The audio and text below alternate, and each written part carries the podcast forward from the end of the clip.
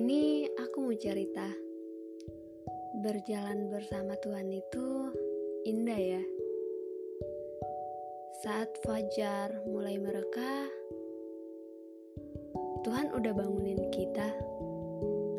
So, pastinya waktu kita bangun tidur, yang pertama kita ingat, kita bersyukur dong sama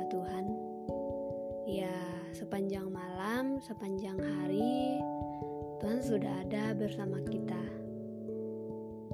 Jadi, kita harus bersyukur dong.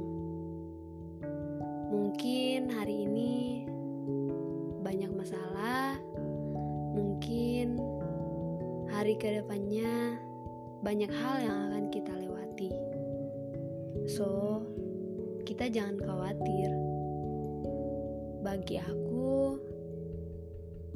aku sering khawatir sama masa depan aku, sama apa yang akan aku makan. Tetapi Tuhan selalu menjadi penghiburan bagi aku. Tuhan bilang, "Kenapa kamu khawatir? Padahal aku berjalan bersama kamu." Jadi, aku mikirnya gini, iya benar ya. Tuhan selalu berfirman kepada kita, Tuhan selalu datang. Cuman kita yang masih sering khawatir dengan kehidupan kita. Jadi, buat hari ke depannya serahkan sama Tuhan.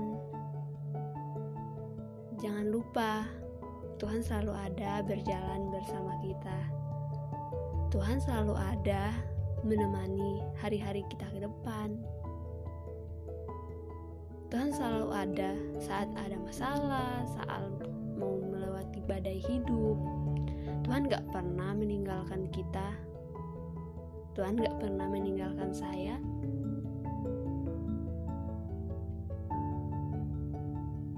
Mungkin kita berpikir, ah masih ada tuh orang-orang di sekeliling saya, saya masih sehat, saya masih kuat. Jadi saya nggak perlu dong mengandalkan Tuhan. Tapi ingat,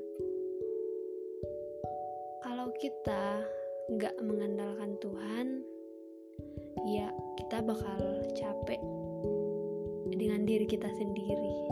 Nggak ada penolong.